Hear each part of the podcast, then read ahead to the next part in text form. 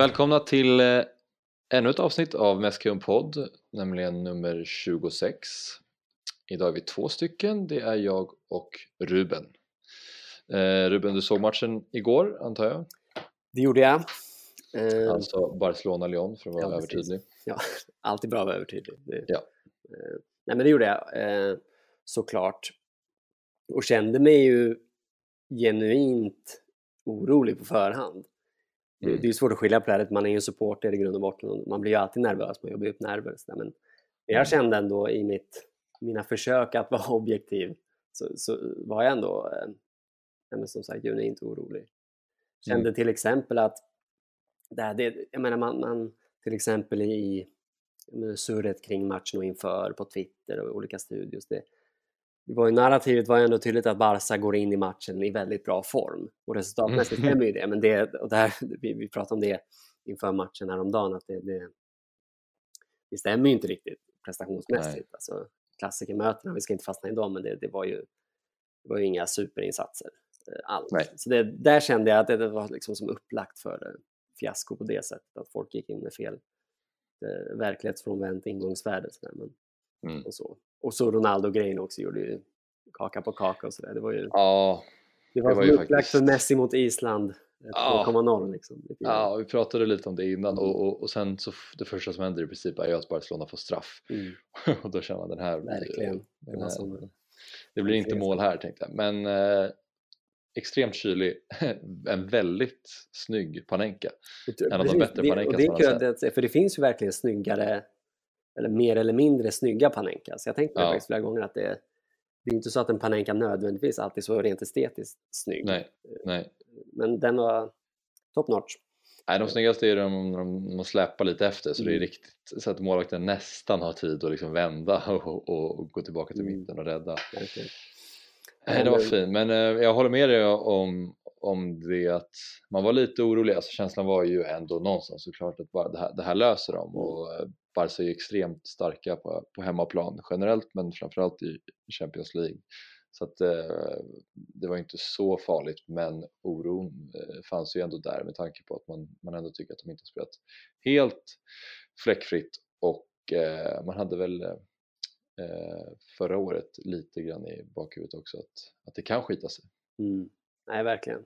Och det, men men eh, Chi fick man lite grann för, för jag tycker verkligen att det var en bra insats. Alltså vi, vi, Mm. om vi ska grotta ner oss lite i, Ja, men det tycker i insatsen liksom, så jag tycker verkligen, framförallt första halvlek, där, och där är väl alla överens, men det, det var liksom ett verkligt styrkebesked tycker jag. Och det var precis det man inför också hade verkligen hoppats på faktiskt och, och eftersökt just det, där, det högre pressspelet, det där liksom Barca, när Barca verkligen som en ångvält bara eh, angriper, verkligen kör över motståndarna så där, och, och, Ja. med, med vind i ryggen. Och det var och, så, och, både, och med bollen, Arthur där, jag tycker det klaffade rätt bra, liksom, bollinnehavet. Mm. Så en riktigt bra första halvlek. Och totalt sett ett styrkebesked, även Mm. andra halvlek inräknat, tycker jag verkligen. Det vill jag vara tydlig med innan jag sen börjar klaga. Innan du börjar klaga. Nej men det, det fanns väl en, en, en dipp när Lyon gjorde sitt mål och Precis. den perioden där 10-20 minuter. Sen när, när Messi gjorde 3-1 så var det ju lugnt igen. Men det Mm. var ändå, då, då kom ju den här oron som man hade innan matchen Mm. tillbaka lite grann när, när kvitteringen kom. För då hade under, en, under en period där så fick ju Barca inget fäste alls och det var många rensningar upp på Suarez han förlorade de duellerna mot deras mittbackar och de fick mer självförtroende och man märkte att Lyon blev mer och mer uppumpade och Mm. det blev aldrig riktigt superfarligt. Det var väl någon halvchans när bollen studsade omkring i straffområdet och, och Mm. eh, vad heter han, Depay eh, avslutade tror jag. Ja. Eh, det var väl det, men annars håller jag med dig om att det var ju ett eh, Barca spelade med ganska hög eh, mycket energi och ett högt pressspel och det var kul att se dem. Man märkte ju att de var taggade. Ja. Sen är det just det, det du är inne på den här perioden, den här 20 minuters perioden i andra halvlek, det är ju för det är ju ett mönster som, som nästan, ja, men som vi har sett genom hela säsongen här under Valverde, att man omkring 60 70 minuten så, så, så flyttar man tillbaka positionerna och spelar mer avvaktande och lågt. Eh, ofta plockas Arthur ut när han spelar in i Vidal. Och det är ju, det är en sorts taktisk ansats som jag liksom inte helt och hållet skriver under på. Jag tycker att det är, om man liksom lägger själva identitetsfrågan åt sidan för en sekund, Mm. Så bara rent sådär vinna matchen, ur ett vinna matchen perspektiv så jag tycka ofta att det är ett, ett, en märklig taktisk rockad han gör där. Jag tycker inte alltid det är bästa sättet. Inte hur många gånger jag har tyckt att det, är- men det, det finns en sorts feghet i det och att det, det nog vore bättre att ja, men, köra på och försöka verkligen kontrollera matchen ut i fingerspetsarna på något sätt. Ja. Eh, den här matchen, och jag känner ju i grund och botten likadant för den här matchen. Jag tror att det är med den här- det här laget som, som Barca har i år, det finns förutsättningar för att kontrollera matcherna rakt igenom eh, Mm. faktiskt och spela med, med ett större mått av mod. Men den här matchen så, så, så föll det ju väldigt väl ut och jag kan tycka att det bytena, alltså den rena matchcoachningen från Valverde satt ju rätt bra faktiskt. Alltså Vidal kom in, var ju otroligt nyttig direkt. Mm. Så, så det där är ju liksom din, din hårfin gräns Mm. där, men, men jag, i grund och botten så, så tycker jag att det är en, ett, ett märkligt vägval som Valverde nästan alltid tar. Men, men den här matchen så föll det väldigt väl ut. Faktiskt. Ja, det finns ju någonting eh, defensivt i honom lite grann hela tiden som, som liksom Ja, det ska ju. Eh, sätt. ja, precis. Och det känns inte som att du någonsin blir ett hundraprocentigt eh, Barca i någonstans. Att det alltid är någon period eller alltid att det är något byte eller att det är någon spelare som startar eller att det är någon formationsändring som gör att man känner att ah, det är inte riktigt där. Nej, och man de bjuder ju in motståndaren i matchen på ett sätt och det är klart att har man ett bra kollektivt försvarsspel, vilket ju, det har ju Barca i år, mycket bättre än, än, än tidigare. Menar, jag har aldrig sett Barcelona spela så här lågt som man gör till och från just nu. Nej. Och det, det, men det är ändå på något sätt, man, man det är ändå en sorts lek med elden tycker jag. För det, det, men det, ta matchen igår, det är hur väl den föll ut. Så det, det är ett mål ifrån att, att vara ute och, det, och så bjuder man in så ger man sig ifrån, ifrån sig initiativ på det sättet. Det är ju liksom det, det, ett Mm. bättre motstånd så vet fan hur, hur det kommer Ja, flyga. Men, men ja, Eh, sådär. Men ehm, Tycker du att det var några um, utropstecken då prestationsmässigt från eh, spelarna? Ja, alltså. Det lades ju mycket fokus på Coutinho med all, all rätt tycker jag. Eh, Mm. För jag med, med tanke på allt han har. Allt han går igenom. eh, Och, Mm. sådär. och, och jag tycker att han var bra. Och jag menar, skönt honom att göra mål såklart, men, men om man bortser från det. Jag tycker att han var bättre i spelet, såg liksom lättare ut, mer inspirerad. Mm. Det var ju kul att se. Noterade Han var mer delaktig än tidigare kan jag Ja, verkligen. Utan att för den saken skulle vara liksom superbra, den, här- den gamla Coutinho, för det tycker jag inte Nej. heller. Det, får man ändå Nej. tydlig med. Men jag noterade också att han, vilket ju säger någonting om hur han liksom famlar här, att han har bytt skor och inte bara bytt liksom, han har bytt tillbaka till de skor han körde med i VM. Jaha, Ja, en liten nördig detalj som, Okej. jag, som jag, ja. det är ändå, Det är tydligt att han liksom- hitta rätt. Ja, ja precis, det är, desperat, det är liksom skriker desperation på något sätt. ja det är det. Han var ju bra i VM och så. Nej, Han var men- väldigt bra i VM. Exakt, och, precis de dagarna eh, körde. Men, ehm, nej, men han, han var bra, jag tycker eh, jag tycker att som sagt Vidal kom in i ett jävla monster i, i, Mm. Eh, och det är vilken jävla resurs att ha honom och slänga in alltså. För det är bara han, gör, det han gör är ju väldigt, väldigt bra. han gör det han gör och han gör det jävligt bra alltså, Mm. på något sätt. Och sen Mm. eh, Piqué fortsätter ju vara i grym form, Lenglet fortsätter att vara stabil, eh, Mm. vilket ju är liksom, inte Jag tycker han är jättebra längre. Ja, han är, han är väldigt otroligt bra med bollen. Det är nästan det jag kan, kan tycka mest. Det är klart att försvarsspelet, han, han, han går väldigt sällan bort sig, men, men hans, hans lugn med bollen och hans teknik är ju väldigt Mm. bra. Alltså på liksom hög internationell klass. Det, Ja, ja, verkligen. Och han, alltså han, han, först när han kom, jag visste inte så mycket om honom som spelare och, och han ser hyfsat smal ut och ganska lång och kanske lite ranglig så här, men han är ju väldigt stark och snabb och han är, mm. han är bra fysiskt också. Ja, verkligen orädd. Han har, han har mycket. Sen är ju frågan, skulle eller för den händelse att Umtiti kommer tillbaka på allvar, då, då, ställ, Mm. då ställs man inför, då, då känner jag ändå att, att det, man kan inte annat än spela Umtiti om han är verkligen till 100% fit. Men det Nej. är ju inte ett enkelt val. Alltså det är, Nej, Lenglet gör ju det ändå svårt för, Ja, absolut. för Valverde för att visst om till tid när han var som bäst för något år sedan eller förra året kanske det var så var han ju hur bra som helst och man Mm. pratar ju om honom som en av världens bästa mittbackar och det han är ju fortfarande såklart eh, skadefri men Lenglet har ju varit fenomenal verkligen. Mm, exakt, och det, det finns ju ett värde i kontinuitet och så vidare. Vad skönt Men att man får ju- Mathieu inte är där. Ja. fick jag, liksom. men han, han slet, jag gillade honom som... ja, som man gillade ju, han var också Ja. med att han var ju typ eh, lite tillspetsat, men att han var ju liksom kedjerökare. Det, att han, det, var, ändå, det är ändå, eh, Var han det? jag menar han rökte. Okej. Sen liksom, ex- exakt hur många cigaretter han formade, det låter jag vara osagt, men han, han, eh, han tog en cigg då Ja, han ser ju ut så. Han, han, hade ju den här, han hade lite utseende av en, av en rökare får man lov att säga. Mm, verkligen. Mathieu, också ett namn. hud, liksom. Ett namn, av, en, ett rökarnamn, Mathieu. Fransman det där. Mm. Nej, Det, det är samklang. Men, men det man måste säga om Lenglet är ju att det är ju ett sånt eh, kap med tanke på att han kom in i eh, somras var det va? Eh, I juli och man tänkte att ja, det är en, en backup, det behövs väl eh, någonstans. Så man reflekterar inte särskilt mycket över det men sen så visade det sig att, att han var så pass bra att, att det behövs inte värvas något mer någonstans. Alltså vad, hur, hur det ska gå för Todibo, vad heter han? Tobido, hur du säger det? hur det ska gå för honom nu, eh, för han har ju ryktats om att han har ju bra ifrån sig på träningar och så Ja. också vad man, har, vad man har hört så att eh, ja, Han kan ju vara mittfältare också, Todibo, tror jag. Så Okej. Jag tror han var det. Jag såg inte den matchen med den här katalanska supercupen som ju ingen bryr sig om, mm, med all Mm. rätt. Men eh, nej. Säger faktiskt. eftersom vi förlorade. nej, men, eh, och- Såg du matchen? Nej, jag såg inte matchen, men jag vet att han Nej. spelade sittande Mm. Nej, men det, och, jag menar, det är ju det bästa betyget Lenglet kan få, det här att han... Ja, men det är ju en potent... Det skulle ju kunna... I ett alternativt universum så är det ju en krissituation. Umtiti går sönder, mm, liksom långtidsskadad. Backupen tvingas slängas in, det funkar inte alls. Alltså det är, så skulle det kunna vara, men det ja, har det ju inte blivit. exakt.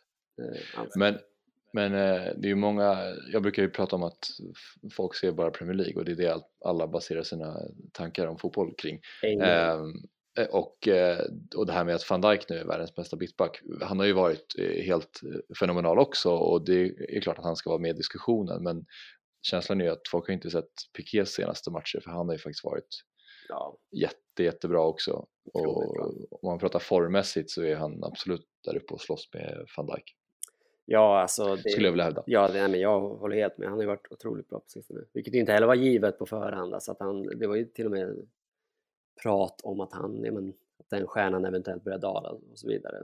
Exakt. Eh, Vi har pratat mycket om honom att han har varit nonchalant och trött och så här, men eh, han har uppenbarligen lagt i en... Det känns som att han har, han har blivit ännu mer... Han bryr sig mer nu än vad han gjorde för något år sedan. Det känns som att han var lite slappare. Nu, det kanske är den här um, Champions League-titeltorkan som han har tröttnat på och känner att nu måste vi fan Ja, göra någonting. det är ju någonting med den här upplagan av Barca. Alltså, på tal om just, just det, den här, den här lågan som verkar brinna rätt.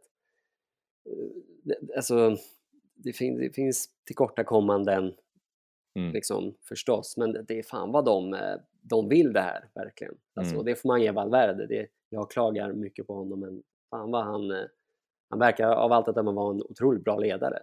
Och det är Ja. ju, herregud, finns det något svårare lag att coacha Ja, än Barcelona? Nej, med, med Messi i spetsen, herregud. Och han, han har ju, alla är ju ombord på det här och det är ju mm. det är många som ja för det har inte blossat upp mycket rykten om missnöje i Nej, omklädningsrummet. så tvärtom. det är alla att, verkligen går ut i strid för honom och, hyllar honom. Liksom Ja. Överraskande mycket har jag känt just med tanke på att det har, det har liksom inte satt ihop, suttit ihop rent kollektivt taktiskt alltid. mm, Eh, Så det är ju liksom ett, ett gott betyg till hans, hans mer den sociala biten i hans ledarskap. ja, verkligen. Alltså, det- Det är väl eh, det att så här, Dembélé har varit lite svår att ha att göra med men det känns ju mer som att det ligger på honom som person Ja. eh, och nu har han ändå, nu har ju det, de har lagt det lite, alltså medierna framförallt har väl inte pratat så mycket om mm. hans, Och det har de skött Eh. bra tycker jag. Alltså det, ja, det är också det, det är ju man säger, hur skulle Mourinho ha hanterat det? Alltså det är ju, pratar vi ytterligheter här, men alltså Valverde han är otroligt liksom, eh, det var Ja. en situation som skulle kunna eskalerat ännu mer, mm, som inte gjorde det, man fick honom på rätt köl, mm. eh, lite grann i alla fall. ja man skulle ju också kanske vilja att han på något sätt kunde pumpa i Coutinho lite självförtroende men det Mm. är nog eh, lättare sagt än gjort tror jag. Ja, verkligen. Men eh, måste också bara slå ett slag för eh, Suarez som Ja, återigen var bra i en viktig match. Mm. Alltså i El Clasico var han ju eh, bra, framförallt i den första, eh, första mötet på Bernabéu alltså. Mm. Men eh, han var jättebra igår. Han var jättebra och, och det, jag tycker det här var hans bästa, alltså bästa insats på säsongen. Jag menar målen på Bernabéu, det- var ju mål, men, men det var Mm. liksom, det var ju målen det handlade om. Jag tycker spelet Mm. var han rätt kantig. Som Mm. vanligt. Nu kändes han ju rapp, och, eller Mm. mer rapp än vad han har sett ut på det sistone i alla fall. Mottagningen Ja. är ju svinbra. Nej, han, Liket det- lever. Coutinho- Coutinhos mål ja. mm, alltså den två touchar, det är väldigt ju hög tekniskt. Alltså det där Ja. det har jag aldrig lyckats med, jag kommer aldrig lyckas med. Det- ja. Sådana där Men- grejer. Liksom. Men det är ju ändå roligt att det fortfarande ser så jäkla stabbigt ut och det ser ut som att han ska ramla Ja, det är ju, när han går emot den mot den på kanten, alltså det är verkligen Ja. som att han, han... Det är ett träd som... Ja, som håller på att falla. alltså. Det- Ja.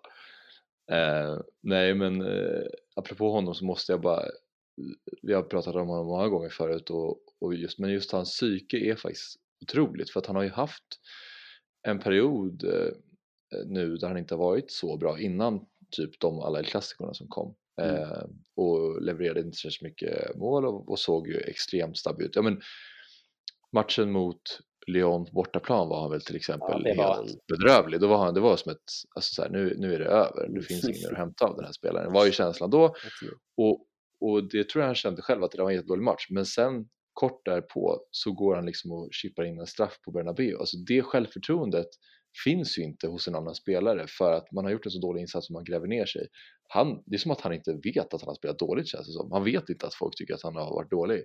Han kör på och har ett självförtroende som är helt osannolikt. Ja. Nej, och det finns ju de som säger, jag vet att men vissa som är att ja, men ska man nå toppen så måste man ha den typen av nästan verklighetsfrånvända självbild ibland. Ja. Men, men vet, det stämmer ju inte helt heller, ta Coutinho. Liksom. Det, det är uppenbart att, så, så jag håller helt med, han är ju något i hästväg. Alltså det är, Ja, och en spännande person också, så här, det här att han ja, men å ena sidan filmar, han är så jävla svin på planen och biter folk. Och sen ser man intervjuer där folk beskriver honom som den, den mjukaste personen på planeten. Alltså, Ja. det, är ju, det där är ju också någonting, vad är det för, jävla, vad är det för tävlingssinne han, han som aktiveras när, han, när han ställer sig på fotbollsplan? Det är ju, Ja, det är vansinnigt faktiskt. Mm. Det behövs nog, behövs nog framförallt bara för, för, för anfallare just för man måste kunna missa några gånger och ändå liksom inte gräva ner sig och, Mm. köra vidare. mm. Sen ska också Messi sådär Ja. avslutningsvis, det, det, det är ju sen den här lilla ljumskadan, jag tycker ju han har gjort så otroligt mycket poäng och med Mm. hattrick målen mot Sevilla var ju liksom helt, det var ju verkligen sådär tappa hakan-läge. Mm. Men, men att i spelet så har han varit väldigt, jag kan tycka han har varit ganska återhållsam ändå och väldigt selektiv. Det här att han har, han Mm. har valt sina lägen, det har varit ett par, tre liksom, jag menar Mm. verkligen exploderat men överlag varit rätt. Sådär. Framförallt i spelet med bollen när han går på genombrott varit, varit ganska, tagit det ganska lugnt. Och så Mm. även igår innan han, eh, Mm. Dino skrev om matchen vet jag, vår, vår skribent Dino, han, just det att han, ja, men han kanske inte behövde vara så bra.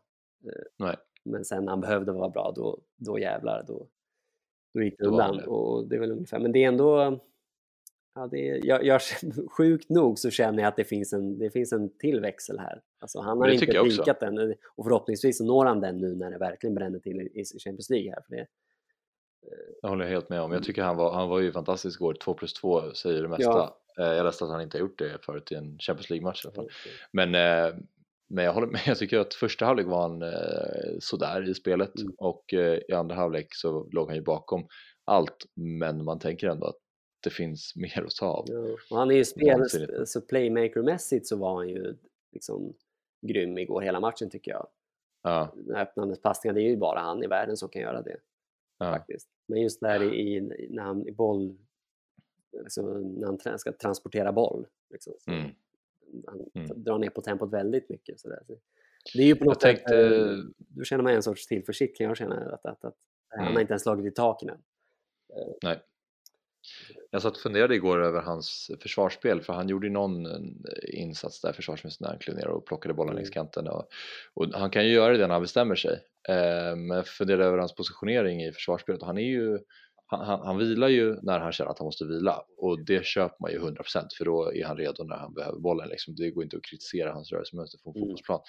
Ehm, men eh, just det att alla låg liksom i fas, Coutinho klev upp på, på sin ytterback och Suarez satte press på, på mittbackarna och sen kom Messi lite släpandes därefter gåendes. Mm. Så kom Lyon liksom fram på vänsterkanten, spelade in den i mitten och så blev det en farlighet av det. Och det berodde ju på att just att, att Messi vankade omkring där i den ytan. Mm. Eh, och där, det- är liksom, det är ett försvarsspel som vore bra att ta men det är bara att acceptera att det om han inte behöver göra eller om han inte känner för att göra det så, så ska han inte göra det. Ja, nej, men det, och det är ju nå- det, det ställer ju den, det, det apropå Valverde och jag menar många fans, jag, eh, bland annat jag som, som skriker efter en hög press och det är ju någonting som man som tränaren i fråga behöver förhålla sig till, alltså att, att Mm. Messi inte kan pressa på samma sätt. Alltså hur ska man Nej. lösa den ekvationen? Det är ju inte helt lätt. Alltså, så Nej. det, Nej. det, det ligger något i det. Coutinho är han är ju otroligt svag i pressspelet också kan jag tycka. Ja, det är Alltså han är så otroligt fysiskt utan boll. Han, är, han Mm. är, känns dubbel, alltså hälften så snabb utan, Ja. utan Ja. boll. Så det där är det, Men det jag tänkte på igår, eh, blir det ju det blir ett, pris att betala. Ja, jag tyckte han var bra igår men det jag tänkte på med hans insats var att han kändes ganska, han drog ner tempot ganska mycket. Han fick bollen och så gjorde han någon så här liten sulfint bakom benet och stod och funderade lite på vad han skulle göra och så blev det ofta att han släppte den i sidled. Mm. Och, så, det blir också den här när man vet att han, man ser på honom att han har dåligt självförtroende och man vet att han har gjort några dåliga matcher och det flyger inte riktigt för honom och då blir det så här, varje aktion han gör på plan blir så extremt uppmärksammad. Ja. Och det känns också som att han själv känner det. Vilket gör det ganska problematiskt för honom att spela för han kan liksom inte slappna av att om han känner att nu, om jag utmanar nu så måste jag lyckas annars kommer jag kanske bli utbuad och jag, hör, jag tyckte inte jag hörde det själv men Holmgren hävdade ju att det kom några små burop i andra halvlek när han misslyckades med där. Ja, det är möjligt. Men det, det, så, där, så är det ju. Alltså det, det, här, det har ju gått ganska långt nu.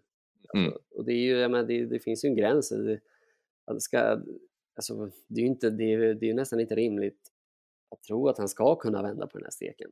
Så långt har det gått. Alltså, så tydligt har det satt sig i huvudet på honom. Ja. Och sen, sen är det såklart, det är möjligt att det, det, att det till viss del handlar om, om psyket, det är jag helt övertygad om. Eh, Men det är ju Mm. också det som eh, Martin Åslund ofta inne på, var inne på i studion, där, att det, man kanske överskattar hans spelförståelse. Det, det har vi pratat om också här. Det, det ligger något i det. Och när Ja. han inte kan kombinera och, och på den vägen bidra och samtidigt inte heller när han går emot en mot en bidra, då är det inte mycket kvar. Alltså, Nej, nej. eh, Nej, jag såg lite eh, statistik som jag bara tänkte Mm. dra för att jag tyckte att det var ganska imponerande Barca stats. Att det här var alltså tolfte raka säsongen som Barca tar sig till kvartsfinal i Champions League. ja, Det är ju Federer-siffror. ja.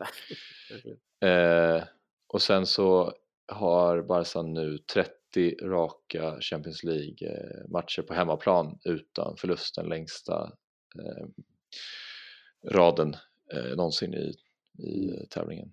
Det är också imponerande. Så att det är, Barca är starka på Camp Nou alltså. Ja, och menar, den här, den här, om man ska liksom bredda det lite grann så, så det är det, någon av El Clasico-segrarna, jag minns inte vilken, så, så gick ju vi förbi Real i Just det, totala just det. tabellen och det angränsar till Mm. det du pratar om. Det här, den här generationen av spelare och framförallt Messi såklart. Som Det är ju något i hästväg. Alltså det, det, när allt är sagt och gjort så kommer vi se tillbaka på den här, den här generationen spelare och verkligen Ja. bara vad fan var det vi här med- upplevde? Alltså, för det är, Ja. det är en, det är en otrolig, det är, det saknar, det är exempellöst. Ja, faktiskt. Och återigen det här med att folk pratar om att här, Ronaldo eh, presterar när det gäller. Messi har ju, Ja, han har legat alltså, bakom 12, 12 raka eh, kvartsfinaler i serien. Ja, och liksom. om vi ska ägna en, en sekund åt det bara. Jag, jag, jag, Ja. jag vet, man får vara försiktig med sig själv här. Men man, jag är, så, man är ju så jävla utled på att det, det, det blir fokus igen. Alltså, Ja, För det är samma argument från båda håll, från ens, ens egen sida också. Det, är- det är samma argument. Diskussionen har ju nått en återvändsgräns sedan liksom många år tillbaka. Så det är ja. ingenting nytt som blir, och ändå dras den igång gång Ja. efter annan. Så samma, Och det är så mycket känslor inblandade såklart, för eftersom de är så, så stora idoler. Och det, det, liksom, det, det Mm. kommer ju ingen vart. Alltså, och jag är så Nej. trött på det. Jag, för varje år som går nu blir jag mer och mer sugen på, eller jag graviterar mot att vilja kunna njuta av Messi i egenskap av Barca-ikon. Alltså, som Ja. vår gud, som vår, den största i Barcelonas historia. Mm. Och liksom strunta i allt annat. Om han är bäst i världen eller två, nu tycker jag att han är bäst i världen och tycker det är absurt att någon jämför honom med Ronaldo ens. Men, men det är liksom Ja. en annan grej. Jag, precis som Roma njöt av Totti, liksom vill jag kunna njuta av Messi oaktat Mm. om han är ett eller två eller tre. Eller, alltså, ja, Mm. Du förstår vad jag... Jag förstår precis vad är du menar, men det är nästan omöjligt för Ja, man blir det- så irriterad på allt och alla Ja, som och man är ju medskyldig också förstås. Såklart. Alltså, jag är inte bättre än någon annan. Men det, jag kan bli... Jag kan liksom hata mig själv lite grann när jag... Och samtidigt efter... Ja, mycket känslor. Mm. Han har för övrigt gjort 62 mål på 61 Champions League-matcher på Camp Nou. Och den här, den här säsongen har han gjort, vad är, vad är det? 36 mål eller något sånt där och 20 assist på 36 matcher, tror jag. Ja, Give or take någon match. det, ja, något sånt. I, Han har i alla fall gått över 35-målsgränsen för någon säsong liksom i rad så att säga. Alltså han har gjort det varje år Mm. i väldigt många år. Är det är extremt eh, imponerande och eh, som du sa så det bästa kanske bara är att försöka njuta av honom så mycket som det går istället för att ställa honom mot andra spelare. mm, jag tror det. Lottningen då? Det som väntar. Vi spelar in den här podcasten torsdag och det är lottning fredag. Brukar vara runt, jag har inte kollat upp det, men det brukar vara runt eh, lunchtid Ja, någonstans. jag tror klockan 12. Ja. Jag ska försöka skriva något om det. Ja, just det. Eh, ja, vad, vad tänker du där då? Nu eh, är det ju hälften av lagen som är kvar är ju engelska, vilket jag tror gynnar eh, Barca ganska mycket. Ja. Vad, vad tänker du? Vad har du för... Ja, alltså det? Det känns ju väldigt härligt att, att slippa PSG kan jag känna spontant. Och Atletico Madrid. Och Atletico Madrid. Men Atletico, de, ja, vi har ju åkt ut mot just dem flera gånger i Champions League. Mm. Men jag, jag, jag oaktat Ronaldo-aspekten av det så satt jag verkligen och hejade på Atletico för jag känner nog... de- Hellre har- dem än Juve kan jag absolut. Alltså, och, Ja. och, det, vi vet vad, man vet vad man har Atletico någonstans. Och det, hur, ofta, Mm. hur många gånger de än har slagit ut oss. Men men, eh, nej, men det, det är klart att eh, där England-grejen, ja, det, jag, känner- jag känner likadant att det känns som att Barcelona ofta är bra mot engelska lag. Att Messi ofta är bra mot engelska lag. Så Det Mm. skrämmer mig inte. De lagen skrämmer mig inte jättemycket, även om Man City såklart ska man bör akta sig för dem. Eh, Mm. Utan det är, det är väl liksom, och Liverpool med sin, sitt kontringsspel och såklart. Men nej, det Juventus är jag eh, livrädd för. alltså, Mm, det också. eh, det är känslan nu i alla fall, här och nu. Ja. Eh, Och återigen för att komma tillbaka till Ronaldo ja, det, det, Alltså att ställa, att ställa de två mot varandra och säga att Juventus skulle gå vidare och Ronaldo skulle trumfa Messi i det mötet, då skulle man ju inte kunna sova. nej, och det känns eftersom, eftersom Juventus sitter ihop kollektivt så bra. Bättre Mm. än Barca på vissa sätt. Alltså på vissa sätt inte. Men, men jag tycker Barca har det bättre laget. Sådär. Men, men jag tycker att uff, de, de såg väldigt eh, bra ut mot Atletico. Jag- Ja, Så, det- de, de är obehagliga. De är obehagliga. Sen och vänder man på det så är det väl det är ju Porto och Ajax. Eh, eller så här Porto och United ska jag säga som, Mm. som eh, man är mest sugen på. United skulle vara den roligare matchen så jag sitter personligen och hoppas på eh, United. För de, de känns Mm. varken skrämmande eller tråkiga på det sättet. Det kan nog spraka rejält ändå. Ajax är någon sorts parentes där. För jag, vi har, det, det, Ajax vill man ju möta i final. Ja, och, då, och de ser ju så bra ut, alltså, så man är lite smårädd för dem. Det som... ehm, ska man vara lite Christian Borellsk, höll jag på att säga, så är det liksom Ajax är ju vår brödraklubb någonstans. Så det, Ja. det, det känns väl, eh, talar väl för Ajax. Ja, Nej, men- nej, de, man, man, det, det är därför man inte vill eh, möta dem, för att det känns som att man vill inte slå ut dem. Eh, Nej, Men å andra sidan, om man- vänder på dem, det känns som att de inte heller skulle ha något emot att åka ut mot oss heller. Nej. Men det där är ju så jävla... Ja, det är klart, alla lag vill ju vinna. Såklart. Mm. Så det är egentligen en icke-diskussion. Men Men det var ju härligt att det var just de som slog ut Real. ja, det var härligt. Att, var att ju- Frenkie det de Jong var så bra i, i den andra matchen. Nej, det var otroligt bra. otroligt bra. Mm. Nej men eh, Ajax och Porto och Manchester United känns väl faktiskt som de svagaste lagen skulle jag säga. Tottenham tror jag också att vi skulle kunna eh, gå och ta oss förbi relativt enkelt med tanke på just hur det såg ut i gruppspelet också. Mm, verkligen, jag glömde faktiskt också, det är helt sant. Ja. Där kan vi snacka psykologiskt Viss... övertag. Ja exakt, visserligen så var väl eh, hemmamatchen mot Tottenham inte den bästa men då var ju Barca redan klara och det betydde allt för Tottenham så de behövde ju gå för det men när det fortfarande fanns saker att spela om då eh, på Wembley alltså, mm. då körde ju bara den matchen, Barca gjorde med Tottenham borta är ju kanske en av de bästa på hela säsongen. Verkligen. Och monster, monster Messi också. ja, de kommer ja. ju ha, ha ja, vilket lag har inte respekt för Messi men, men det, det kommer ju det, är en kväll de kommer, en Messi-kväll de sent kommer glömma. Ja. Men eh, vad tror du om eh, Manchester City då? De känns som att du brukar vara ganska orolig för. Ja, och det är jag såklart. Eh, mm. Det är väl de och Juventus som tillsammans med Barca som, som väl ska räknas som favoriter kan jag tycka. Eller tycker väl de flesta. Men, ja, men det, det finns ju något där med att det, det faktum att Guardiola tränar Messi har en, har en väldigt bra is. Han, han har ju varit sådär snorbra mot City flera gånger.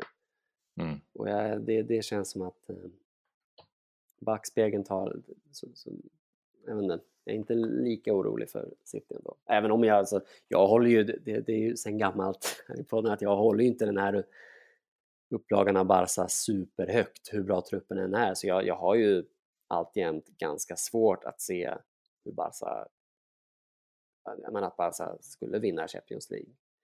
Mm. Truppen talar för det men jag, jag, jag vet tusan om, om varken mot City eller Juventus så, så skulle jag betrakta Barca som favoriter långt ifrån. Mot City skulle jag göra det, men inte mot Juventus. Ja, City har så bra lag också. Ja, men det, det ja, men City är men, sköra tycker jag. Men, ja. men jag tycker liksom av, av de här riktigt stora elefanterna, favorit, de förhands favoriterna, så tycker jag Barca sitter ihop mm. sämst. Eh, faktiskt. Mm. Och det är ju såklart mm. Eh, väldigt hög nivå vi pratar om på samtliga de här lagen. Men, eh, Ja, när man ser de lag som har tagit sig i kvartsfinal så känns det, alltså det har varit värre utgångsläge än tidigare. Alltså det är ju jättar som har fallit. Real, Bayern München, PSG. Det, det finns förutsättningar för att ta sig långt för Barcelona i år. Det mm. känns ju verkligen bra och nu får man verkligen hoppas att, eh, att vi får en fördelaktig lottning. Sen ska man ju säga att Liverpool, eh, som vi inte har pratat om riktigt, Nej. är eh, också eh, ser ju rugga ut. De tror jag Barca skulle ha, ha väldigt svårt för. City är så pass lika Barcelona att jag tror att de inte skulle kunna såra oss på samma sätt men Liverpool med deras eh, frenesi och snabbhet är jag mycket mer orolig för. Mm. Nej, och det, det, det, det kan jag skriva under på också lite grann. Det, det, sen mm. tycker jag att liksom, totalt sett att City är ett bättre fotbollslag men rent taktiskt så det ligger ju såklart något i det du säger. Absolut. Mm. Mm. Eh, det är väl där att de, de det, det ena behöver inte utesluta det andra såklart, så enkelt är det inte, jag vet, men det, de borde ju vara ruggigt sugna på att vinna ligan och lägga eh, liksom undermedvetet eller medvetet eller liksom rent psykologiskt så är det ju inte helt enkelt att, att uh, utmana på alla fronter. Alltså, uh, särskilt för, för det är inte många lag inom historien som lyckas liksom vinna tripplar eller dubblar och. Och sådär. Och jag, jag rimligtvis har ju de väldigt sugna på Premier League-titeln. Ja, Om man ska liksom Nej, greppa efter halmstrån lite grann här. Ja. Men det är klart, de är ju ruggiga. Men jag tycker ju att, apropå eh, City bara, att, att eh, de känns som att de eh, kan falla igenom ibland. När det bara, alltså de, de har det här 7-0 i sig mot, som mot Schalke, men de har också en flopp i sig hela tiden. Liksom det, man vet inte riktigt vad man får när, det, när allting mm. ställs på sin spets liksom. Så det är, väl det jag känner att, att de, behöver, de, de saknar den här internationella jämnheten någonstans. Mm. Det finns ju ett mått av pragma, typ pragmatism i Barca i år också som ju, som ju talar för, eventuellt talar för att vi skulle kunna parera City på, på rent taktiskt på ett, på ett liksom ganska bra sätt eller bättre sätt. Även om det skulle ta mm. emot mm. att se Barca spela säcken och, och att City får ta på sig Barca-kostymen men det, eventuellt Mm. skulle, det, skulle det tala för Barca avancemang. Jag vet. Mm. Bortsett från eh, torsken i, i Supercopa de Catalunya, Mm. eh, eller vad nu turneringen, Ja. turneringen om man ens kan kalla det så, kallas, så har ju Barcelona inte förlorat sen eh, Copa del Rey-matchen mot Sevilla borta när eh, Kevin Prince Boateng gjorde sin första eh, och typ enda av, eller en av två matcher va, som han har gjort än så länge, Ja, om jag inte misstar mig. Nej, men han har inte flugit. Men Barca har inte förlorat sedan sen den matchen. Eh, visserligen några oavgjorda matcher mot ganska bra lag, Valencia, Real Madrid på hemmaplan, eh, Bilbao eh, borta och, och Lyon sådär. Men det har varit mycket segrar och eh, ändå eh, ett gäng bra insatser får man lov att säga mot, mot ganska bra motstånd. Var, var, var ser du Barcelona just nu, alltså det ser ändå ut som att vi går mot en ligaseger, nu ska man inte ta ut någonting i förskott men det ser bra ut och, och det känns som att det finns en harmoni i truppen och det mycket är ju positivt men samtidigt så är, finns det ju saker som gnager. Så. Vad, vad, vad känner du? Ja, men jag känner väl... Jag känner som sagt att gårdagen var ett, ett styrkebesked. Eh, Så, så jag känner väl jämfört med bara för ett par dagar sedan så känner jag större mått av tillförsikt nu. Eh, sen som, som jag varit inne på, jag, jag, jag är inte säker på att den här pragmatismen och det faktum att vi spelar lägre och att det är mer böljande, att jag är inte säker på att det inte kommer bita Barca i svansen. Eh, Och jag tycker att hur, hur imponerande klassikersegrarna än var ur ett liksom kämpaglödperspektiv så, så tycker jag att det, eh, det var oroväckande. Mm.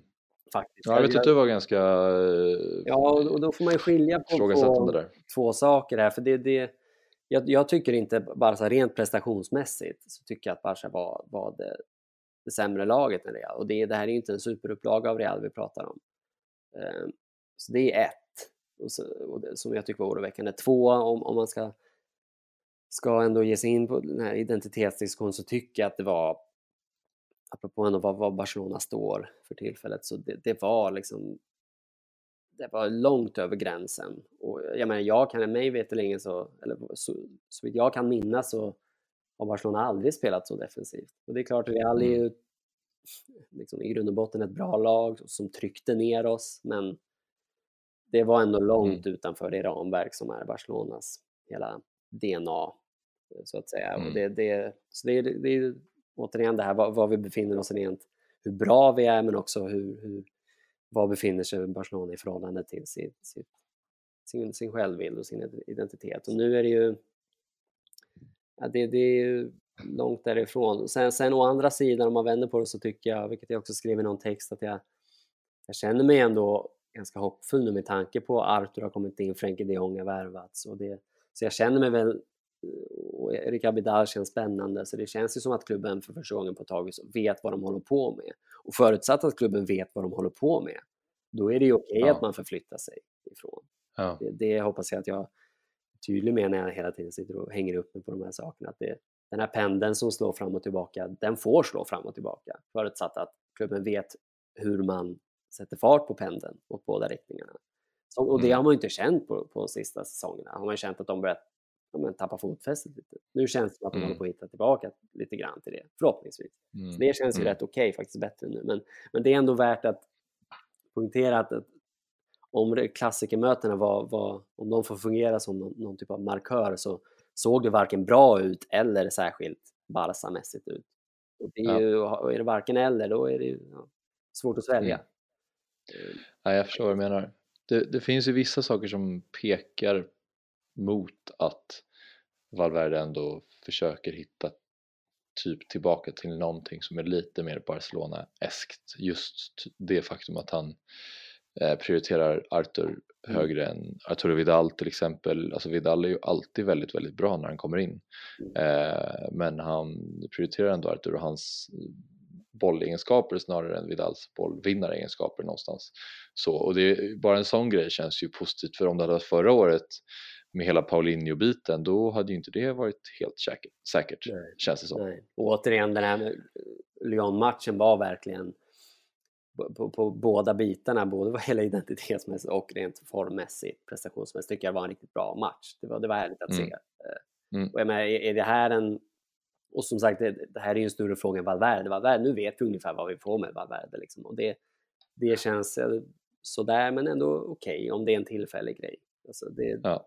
Men det, och kommer det se ut som det gjorde igår, är det den taktiska ansatsen, ja då är väl det helt okej. Okay. Det är inget jag liksom, det tycker inte jag är mm. katastrof. Mm. Även om jag tycker att det är lite mm. märkligt att man blir så passiv i, i samma skede av, av matcherna hela tiden. Men det är liksom, ja. jag kan leva med det eh, faktiskt.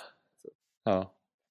Nej, men det är väl, det, du säger det bra där att det känns som att klubben inte alltid har vetat vilket håll de ska gå åt för att i, å ena sidan värvar de eh, Frenkie de Jong å andra sidan värvar de Arturo Vidal som är mer av en slitvarg och de värvar eh, Artur men de värvar också Kevin Prince Boateng som är trött och gammal och, och, och sådär. Så det fin- den, den värvningen är i och för sig mer Henke ja, Larsson-aktig och har någon form av backup striker men det finns ändå någon sån liksom typ Paulinho då förra året, alltså den värvningen var ju verkligen så här, okej, okay, vart, vart ska vi någonstans, mm. varför ska han, vad ska han in i så, här. så det finns fortfarande lite oklarheter men känslan är ju med just Frenkie de Jong att eh, det finns en plan för att eh, bibehålla det, det Barca vi känner och vill, vill se. Ja precis och det har ju varit så mycket liksom, det har pratat om det hundra gånger men det André Gomes och det har varit så jävla ja, precis, många det går ju några år tillbaka. i sjön alltså, under loppet av många år nu. Och alla mm. har ju varit överens om vad, vilken typ av spelare Barcelona behöver. Det är ju en väldigt mm. specifik mm. typ. Alltså, mm.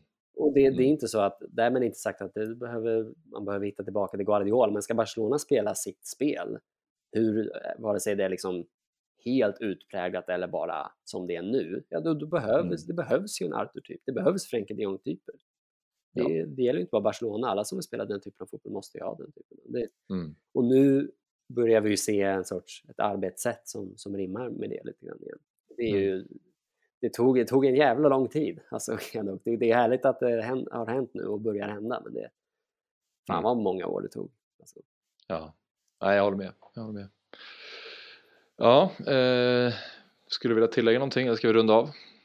Nej, det, vi får runda av känner jag. Tycker jag har sånt med mm. allting. Eh. Mm. Det finns alltid mer att prata om någonstans. Ja, sidospår är ju eh, och, svåra att inte hamna.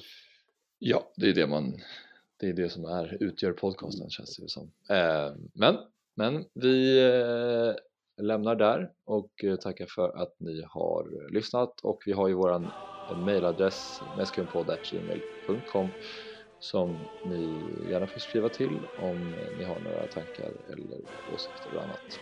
Så på återseende! Massa! Massa!